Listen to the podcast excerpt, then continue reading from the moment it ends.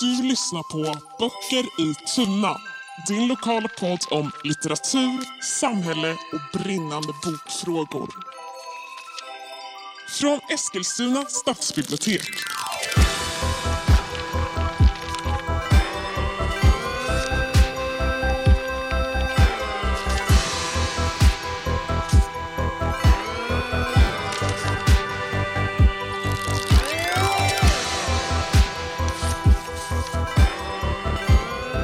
Lyssnar på ett specialavsnitt av Böcker i Tuna, din lokala bokpodd.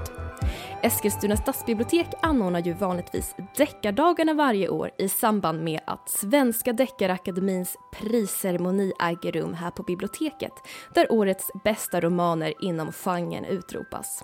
I år sätter ju dock pandemin stopp för det, men vi har ändå fått fin besök här i vår virtuella ljudhörna. Vi har nämligen den stora äran att ha två av dem med oss här idag. Årets debutant Maria Grund och vinnaren av Spårhunden, årets bästa barn och ungdomsdeckare, Kalle Holmqvist. Med på tåget har vi också en tidigare välkänd person här i podden, den kunniga bibliotekarien Anna-Lena som kommer att stå för dagens intervju. Nu sätter vi igång. Så, vi har samlats här idag uppkopplade med Maria Grund och Kalle Holmqvist. Ni båda har vunnit eh, priset Årets deckare av Svenska Deckarakademin 2020. Du Maria i kategorin Årets debut med boken Dödssynden och du Kalle för din historiska deckare för barn och unga som heter Det går en mördare lös, en historia från 1721. Om vi börjar med dig Maria, vad betyder priset för dig? Det betyder eh, givetvis jättemycket. Um, som författare, som debuterande författare. Um, när man sitter och skriver sin bok så då, då sitter man ju där och undrar och, och slåss med sina formuleringar och ord och tänker kommer någon någonsin läsa det här? Uh, och allt man vill är ju att uh, kanske nå ut till några läsare och ett sånt här pris innebär ju då att fler människor får upp ögonen för, för ens bok um, såklart. Och sen så är det ju också en, en jättefin bekräftelse att akademin eh, har läst eh, och tagit boken till sig och sett kvaliteter i den. Så att ehm, ja, det, betyder, det betyder enormt mycket. Jag, jag, jag kunde knappt fatta när jag var när jag var nominerad och sen så trodde jag absolut inte att jag skulle vinna. Det fanns inte en chans, inte ens när jag hade ett missat samtal från, eh, från Nisse Scherman så, så vände jag mig till min man och sa att eh, ja men nu, han, det är det här artighetssamtalet, de ringer och bara ska bara berätta att du inte har vunnit. Ja. så att det, jag, jag trodde nästan inte på det, det betyder oerhört mycket Eh, och eh, smälter det nog lite fortfarande faktiskt. Ja, vi var väldigt glada eh, och tycker också att det är en väldigt bra bok, precis likt Akademin. Du Kalle, du har varit med och publicerat ganska mycket olika böcker både för barn och vuxna och du fick något nyare pris också tyckte jag såg på din hemsida där man kan läsa mycket mer om dig. Ja, alltså jag har ju skrivit, alltså senaste åren har jag mest skrivit för barn faktiskt. Det tycker jag är roligt. Alltså om man jämför när, man, när jag skrev för vuxna så får man ju väldigt mycket, många fler läsare när man skriver för barn. Eller jag får det, jag fick det i alla fall. Eh, och, så det är, men däremot så kanske man får lite mindre liksom, recensioner i tidningar och lite mindre priser och sådär. Så därför är det roligt tycker jag att de har en, en kategori som handlar just om om, eh, om böcker som riktar sig till barn och unga. Och sen tycker jag ju att det alltid är väldigt roligt när man uppmärksammar historiska böcker. Så därför så blev jag väldigt glad också. Såklart. Ja. Då ska vi, tänkte jag presentera er lite biografiskt för våra lyssnare. Om vi börjar med Maria. Du är född och uppvuxen utanför Stockholm, men är numera bos, bosatt, säger man Eksta eller Eksta? Eksta. Eksta, som ligger på Gotland och där har du bott de senaste tio åren. Eh, och din deckare har lite, men dock onämnt. Det står inte uttalat att det är en miljö från Gotland. Eh, sen har du också levt i England och pendlade ett tag mellan jobb både i Sverige och USA. Eh, Kalle, du sitter nu här i Bagarmossen i Stockholm, men har också en bakgrund från Härnösand, där du bodde från du var ganska liten fram till i mellanstadieåldern har jag förstått. Eh, och eh, har även varit på besök där för att göra research. För det är ju så att den här boken som är den tredje i en serie, har jag rätt där? Ja. utspelar sig just i Härnösand där du själv var i samma ålder som de som ingår i din bok. De heter, nu ska vi se så jag säger rätt här, Mikael och Petter. Eh, då är min fråga, eh, hur har era erfarenheter av att bort och levt i olika miljöer format era författarskap? Om vi börjar med dig, Kalle. Det tror jag har påverkat mig ganska mycket och också hur man skriver. För att på gott och ont så får man en slags eh, rotlöshet. När man, jag har flyttat ganska mycket både som barn och som vuxen. Så att jag kan i och för sig sakna det här med att ha någonstans där man verkligen känner sig hemma, att man kommer till sin hemstad. Jag har inte riktigt någon hemstad. Men å andra sidan så tror jag att det kan också vara bra att man ser saker med nya ögon och också att man har kan jämföra lite olika miljöer och sådär. Eh, och jag har, tycker att jag har flera hemstäder och eh, Eskilstuna är en av dem för jag var där väldigt mycket som barn för att min farmor och farfar bodde där. Ah, kul! Var ju också väldigt mycket på Eskilstuna stadsbibliotek. Mm. Och förutom att jag var där själv så är det väl också så att det mycket av det som jag kan om historia kommer ändå från Eskilstuna stadsbibliotek. För jag brukade ringa till min farfar och fråga saker. Oh. Och om inte han hittade i någon bok han hade hemma så cyklade han iväg till biblioteket och kollade upp det och ringde tillbaka sen. Men vad oerhört roligt! Maria, kan du berätta lite om dina erfarenheter av att ha bott i USA? Eh, har det skapat någon, någon viss tendens? Har du läst mycket amerikansk deckar, crime noir som man brukar kalla det för tidigare? Ja, jag har väl, har väl läst en del men, men eh, framförallt så skulle jag väl säga att det är miljöerna som nog har eh, påverkat mitt, mitt skrivande. När jag skrev när jag bodde i USA så eh, skrev jag, eh, det var liksom mycket dramaturgi och jag jobbade även inom reklam. Just det. Så att jag skrev, det här är min första bok som jag skrivit, jag har inte skrivit mm. böcker tidigare men, men ehm, just hur den tiden har påverkat mig rent litterärt skulle jag nog säga att eh, tiden i USA, framförallt i New York, gjorde mig eh, mycket bättre på att iaktta saker ah. eh, än jag var tidigare. Eh, det kanske blir så när allting runt omkring dig är i konstant rörelse på, på något sätt. Precis som Kalle säger, jag, jag, jag har också flyttat mycket många gånger som barn och även senare i livet, så jag är också rätt rotlös. Och jag tror att um, mina år i USA, framförallt i New York, så då infann sig någon sorts normalitet mer att jag var en i, i, i mängden äh, människor som alla var rotlösa och hade hamnat där. Ähm, men just det här iakttagandet äh, tror jag påverkat mitt skrivande i det att jag ehm, ehm, jag kan, liksom, jag kan sitta och titta på en scen eller en situation och eh, eh ofta så liksom jag, kommer någonting, för mig är det inte konstigt att någonting oväntat eh, växer fram. Eh, det här ögonblicket när någonting plötsligt eh, händer. Eh, det här liksom romerska ljuset som plötsligt kastas rakt in i en fin salong, lite så.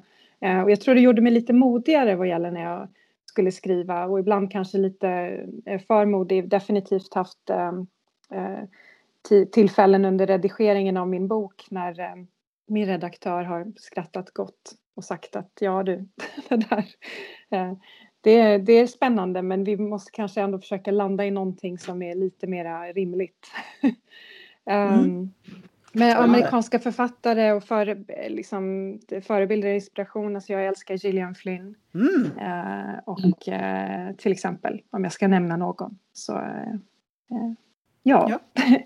Kalle, har du några förebilder bland historiska skildringar? Antingen om man tänker barn och unga eller för vuxna?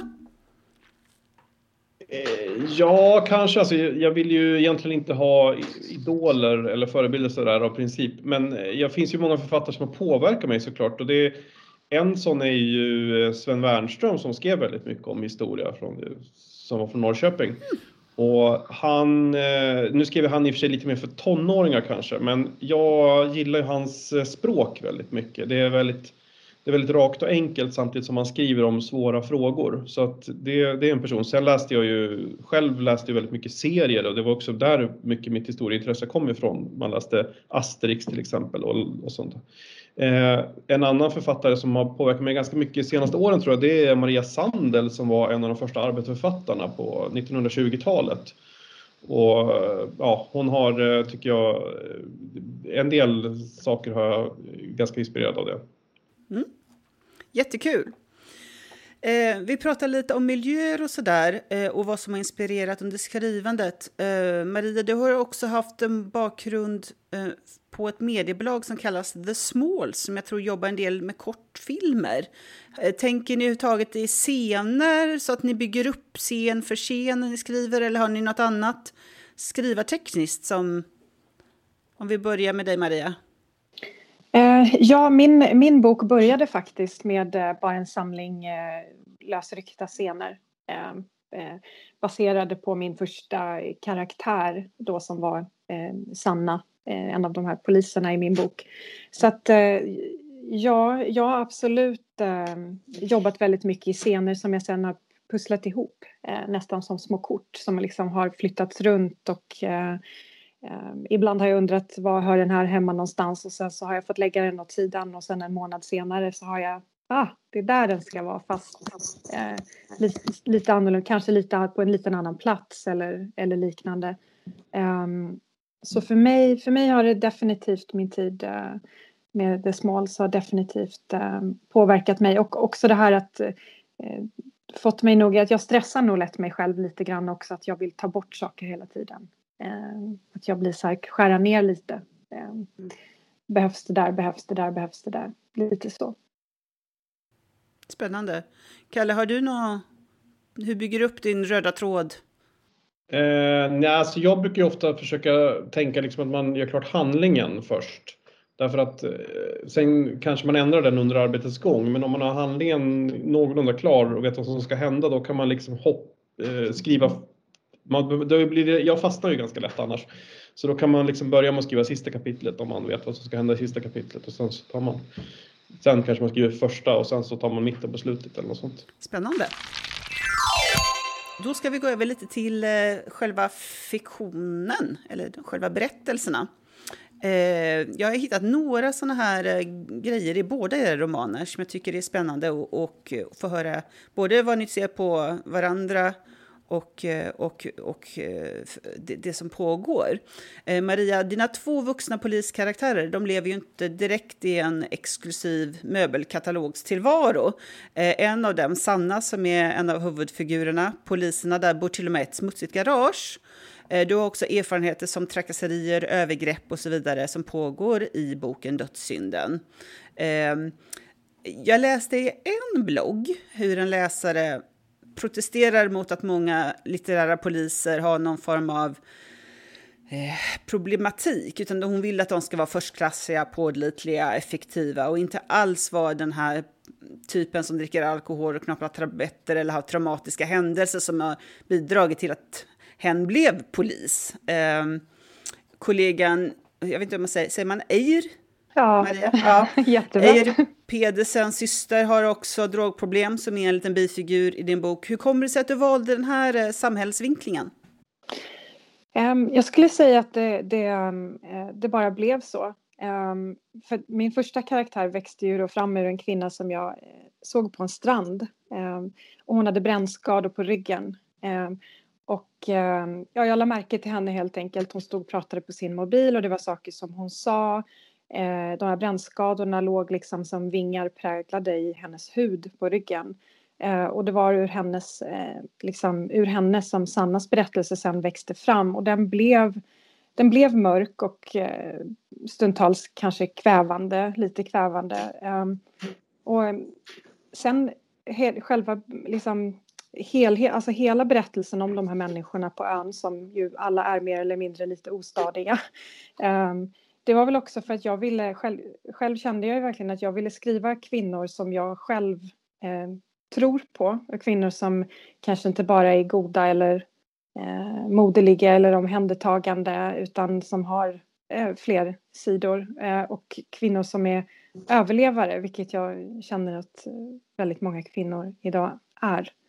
Eh, och så, eh, jag det, det, är också så att många av eh, karaktärerna i min bok, både de som är både poliserna då som ska representera det goda men också de som ehm, eh, de här onda karaktärerna ehm, jag har hört folk som har sagt att de, de tycker att de är trasiga, speciellt då eh, Sanna och Eir.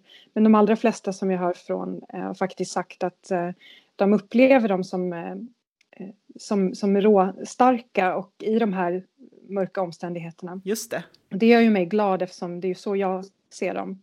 Men det är ultimat så alla har rätt till sin egen tolkning och det är ändå läsarnas bok. Men vad jag skulle säga kring det här just med polisjobbet och eh, då till din fråga om eh, att poliser ska vara eh, förstklassiga och pålitliga och så här. Så det var aldrig den boken jag ville skriva. Jag har ingen Nej. bakgrund som, som polis. Mm. Eh, jag har en kriminalkommissarie som hjälper mig med allting kring polisens arbete. Och eh, jag skulle aldrig skriva om några så här supersnutar. Det var aldrig, det var aldrig det, den boken jag jag skulle försöka skri skriva. Men både då den här kriminalkommissarien som hjälper mig men även andra poliser som har läst och hört av sig. De, de, de tycker ju eh, att polisarbetet som jag beskriver med alla dess misslyckanden på grund av att de här människorna också har det här livet utanför Eh, som kanske eh, skapar problem för dem. Ehm, att ja, det kanske inte är förstklassigt alltid, eh, men att det är trovärdigt att det faktiskt är så att poliser eh, också eh, går, springer ner i återvändsgränder och glömmer bort saker och eh, försover sig och, och så vidare. Så att, ehm, men nej, det är inga supersnutar. Men det, det, det, blev all, det blev inte så vad gäller kvinnorna heller eller någonting. Det skulle inte vara några superkvinnor och inga supersnutar. Nej, jag förstår precis. Det kanske är så att eh, man får... Eh, man kan inte eh, leva upp till och tillfredsställa alla läsare som har sina egna. Absolut inte det. Och, och, och jag tycker också att, att, ehm, att ehm, mycket av det när man skriver sin första bok så här också och man försöker få med väldigt mycket så det, det är ju sånt som man får ta till sig av också. Mm. Eh, ja, som sagt, det här är ju min, min första bok och det är sånt man hmm, får man tänka till lite framöver när man skriver också så att det inte blir för mycket eh, av det onda. till jag, exempel. Jag, jag, tyck, jag, tyckte du vred och vände på det väldigt, väldigt bra. Ja, tack. Ska vi övergå till Kalle då? Du har också med lite så här kvinnor och män och de här pojkarna som är kvar i en kvinnomiljö för alla männen har åkt för att kriga med Ryssland. Eh, man har också kan tänka sig där att man tänker om 1700-talet som en smutsig miljö och råa personer i personhygien och stadsmiljöer som var smutsiga och så. Eh, men dina två huvudpersoner i boken här, Mikael och Petter, verkar då bryta lite mot den här historiska idén. Ehm, du tänker också, du har en klassperspektiv som också är kanske lite liknande ehm, eh, perspektiv på samhället som sådant. Eh, med gymnasiepojkarna som är de lite rikare eh, lite mer tonårsåldern som figurerar. Ehm, Um, och du hör också med, jag tyckte det var fantastiskt roligt, en liten skrift, jag vet inte om jag kommer uttala det här rätt nu, alla drinkares vedbedröveliga ändalyst, eller hur man nu säger. Finns den på riktigt och hur dök den upp hos de läshungriga figurerna Mikael och Petter? Eh, som då propagerar mot alkohol. Vad fick du att välja de här eh, perspektiven på din Många frågor i en kanske? Ja, men precis. Nej, men alltså, jag ska se om jag kommer ihåg alla. Eh, nej, men för att det är ju så att eh, det är ju en skönlitterär berättelse, men jag gillar ju att ta saker från verkligheten. Och eh, det kan ju låta som att man sitter och, alltså när man läser boken, de här gymnasiestudenterna då som på den tiden var gymnasiet väldigt exklusivt, så det var ju väldigt rika pojkar, som, framförallt som skulle bli präster då. Och det kan ju låta som att man är jätteelak mot dem, och, men det här med att de brände upp stan 1714, det är ju sant. Alltså, det, är ju ingen, det är inget som jag hittar på, utan de, det är ju en historisk, det är historisk fakta att gymnasieeleverna brände upp då, eller och gymnasieelever och några andra elever då brände upp skolan för att de eh, inte orkade göra sina läxor ungefär och sen så brann ju, råkade ju hela stan då brinna ner och de tände också eld på andra hus. Eh, och, men sen så är det den här, den här broschyren, det är en riktig broschyr som fanns och den eh, har jag, alltså jag hittade den i en, annan, i en annan bok som också var väldigt gammal men inte lika gammal som jag hade hemma som handlar om nykterhetsrörelsens historia.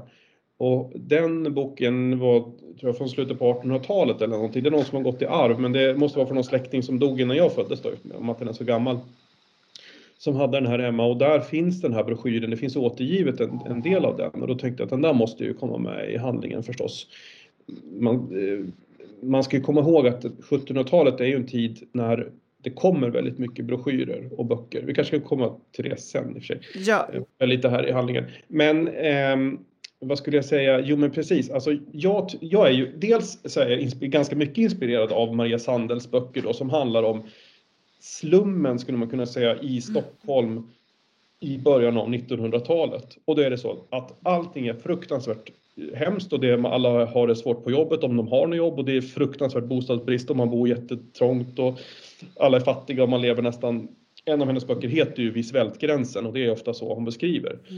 Men så är det så att då finns det i hennes böcker så är det ett väldigt, väldigt uppdelat ofta mellan människor som är, Eh, skulle man kunna säga, hederliga och som inte är det. Och antifrö, är så att ah, om man är fattig så kan man antingen så kan man eh, supa och slå sin fru och göra massa andra hemska saker. Eller så kan man vara hederlig och man kan hjälpa sina grannar och man kan ha krukväxter i fönstret. Alla goda människor i hennes böcker har liksom alltid krukväxter. Växter är alltid ofta en del av handlingen. Och de eh, är med i facket och de betalar sin medlemsavgift i sjukkassan ordentligt i tid och sådär. Och trots att de är fattiga och, och läser böcker. Läser böcker, skriver ofta själva också, målar tavlor och skriver dikter.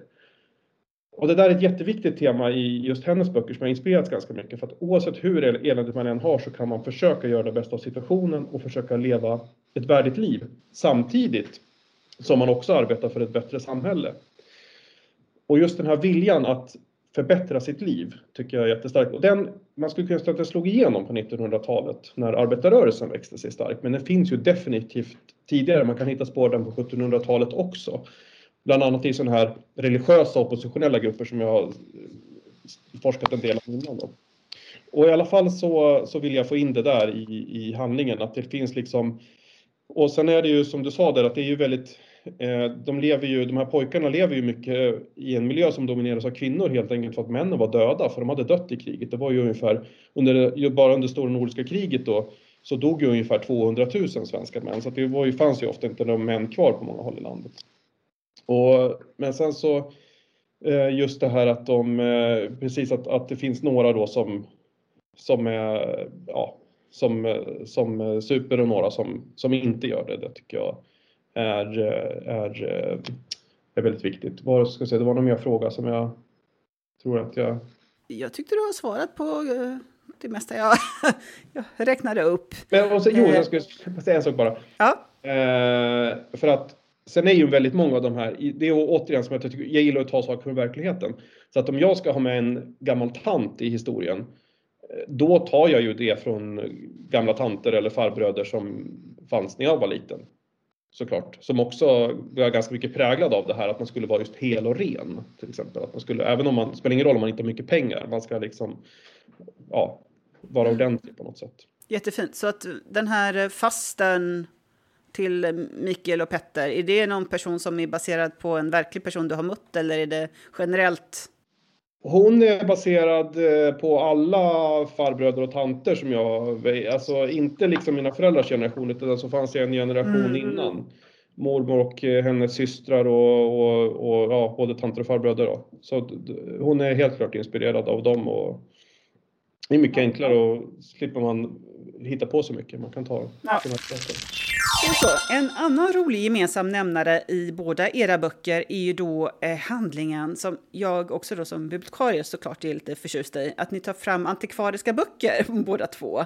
Eh, du Maria har offret Marie-Louise Ros som är 74 år som i boken har en exklusiv handel med gamla förstautgåvor, bland annat av biblar och dess, dess psalmböcker och sånt där som hon sålde till rika samlare runt om i världen. Och Kalle, dina två eh, 13-åringar jobbar lite i bokbindarverkstaden som bokbindare Södermans änka Karin driver sedan mannen Söderman själv drunknade när han var full och deras enda son togs ut som soldat, vilket gjorde att då fick en kvinna ta det här lite viktigare jobbet. De eh, dyker upp där. Hur kommer det sig att ni båda har det här bok antikvariska inslaget? Eh, kom det till av en slump eller har ni själva någon form av eh, eh, kärlek för äldre litteratur?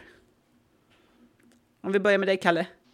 Ja, jag gillar ju gamla böcker och gillar antikvariat. Jag har också en tendens att samla på mig för mycket böcker så att jag försöker att gå på bibliotek istället då. Jag vill inte ha för mycket. Det är också framförallt väldigt jobbigt när man flyttar, ha för mycket böcker. Men jag gillar gamla böcker och den, jag vill ju få in det här för att den här handlar ju då om, om 1700-talet och då är det så att läskunnigheten slår ju igenom i Sverige. Alltså från 1700-talet så kan ju de flesta i Sverige läsa. Inte skriva kanske, men de kan ju läsa i och med att man från 1680-talet börjar man ju systematiskt att lära alla att läsa barn, eh, både pojkar och flickor. Och det här fick ju jättestor påverkan på samhället för att folk envisades ju också med att läsa saker som makthavarna inte tyckte att de skulle läsa. Och det kommer ju väldigt mycket broschyrer också från utlandet som innehåller då nya idéer och sådär som, eh, som kommer och böcker och det börjar ju komma tidningar. Även om de första tidningarna är ganska statligt kontrollerade så är det ändå så att det är något nytt med just de här småtrycken. Och jag tycker också att om man vill, jag gillar ju för sig att läsa gamla böcker, men det jag tycker absolut bäst om det är ju att läsa gamla broschyrer och läsa gamla tidningar. Eh, för läser man en tidning ifrån eh, slut, en vanlig dagstidning som är 100 år gammal eller som är 20 år gammal så ser man ju väldigt man, man, det, man kastas rakt in i historien på något sätt, på ett helt annat sätt än om man läser en historiebok från den tiden. Jättekul. Maria? Jag måste bara säga, jag tycker det är jätteintressant det du säger Kalle om tidningar för att ehm, eh, min mamma hade så här lådor från eh, när hon hade flyttat någon gång hade hon lagt undan så inredningstidningar.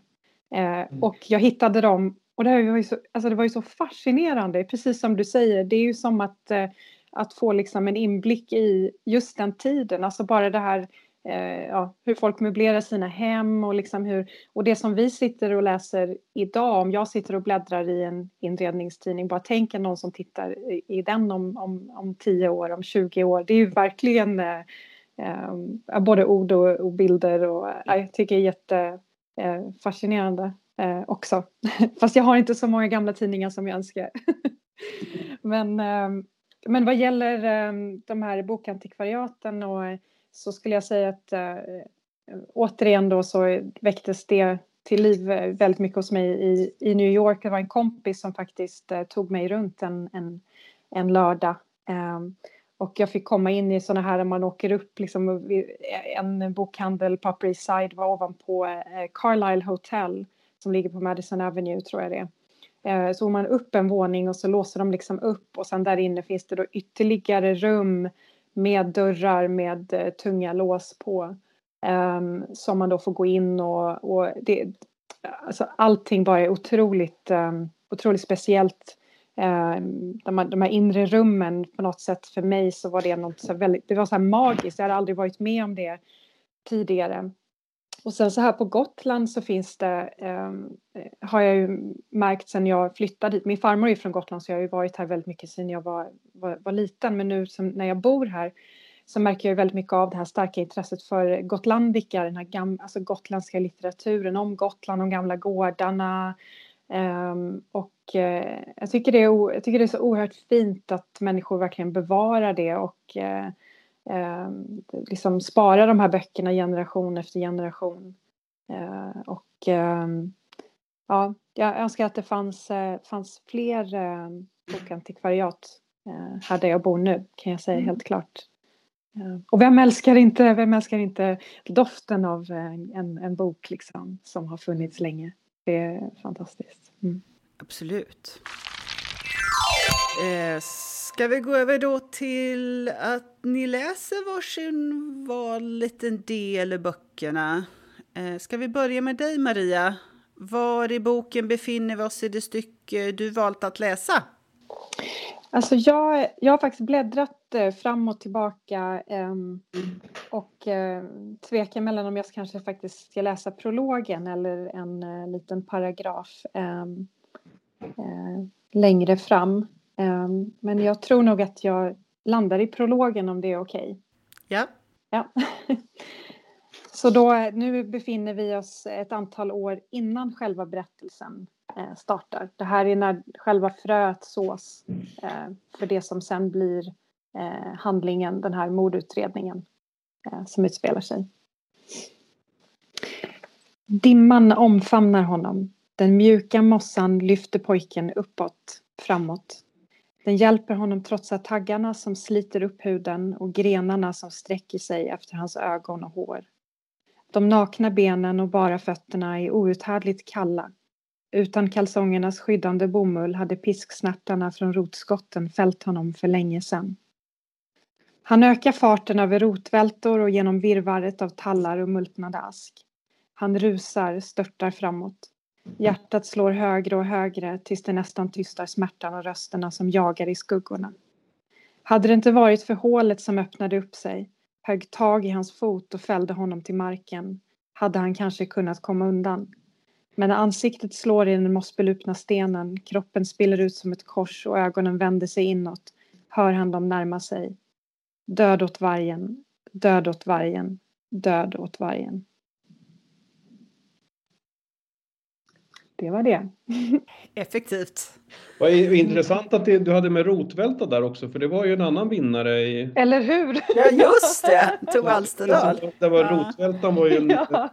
del av handlingen, så det var Ja. ett välteår. Spännande. Ja. Ska vi ta dig då, Kalle? Var i boken befinner vi oss i ditt fall? Nej, du... jag tänkte ta från början faktiskt. Mm? Eh, Det är ju då så att det är ju de här pojkarna som det handlar om, de lever ju i sista resten av det svenska stormaktsväldet som håller på att falla samman då. Och ryska flottan kommer ju när som helst. Och det började så här. Mikkel hade sett många döda människor i sitt 13-åriga liv.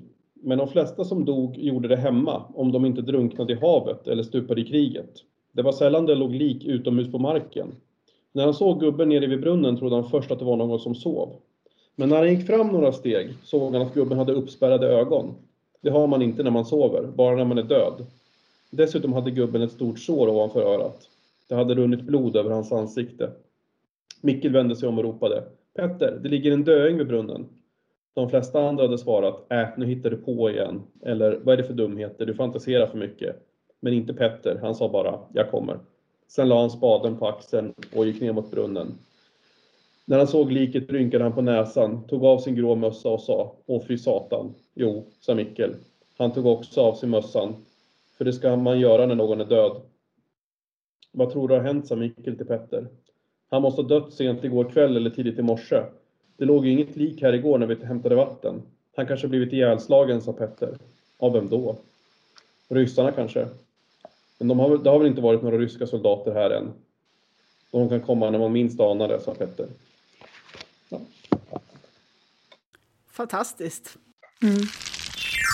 Ni har gett oss jättespännande inblickar i era två böcker som alltså heter Dödssynden och Det går den mördare lösen historia från 1721. Eh, och vi hoppas att eh, ni ska hitta fler läsare här i Eskilstuna och eh, att vi får eh, en, eh, en återkoppling eh, så småningom om ni skriver fler verk som vi kan eh, erbjuda i antingen en skyltning. Vi kommer också kanske att göra en liten skyltning med era böcker här på biblioteket. Eh, om någon har lyssnat och vill komma in och låna någon direkt. Vad fint. Tusen tack. Tack, tack. Tack ska ni ha! Jättefint att få vara med och jätteroligt att höra mer om din bok också, Kalle. Ja, detsamma, detsamma. Ja, tack, tack! Hej, hej!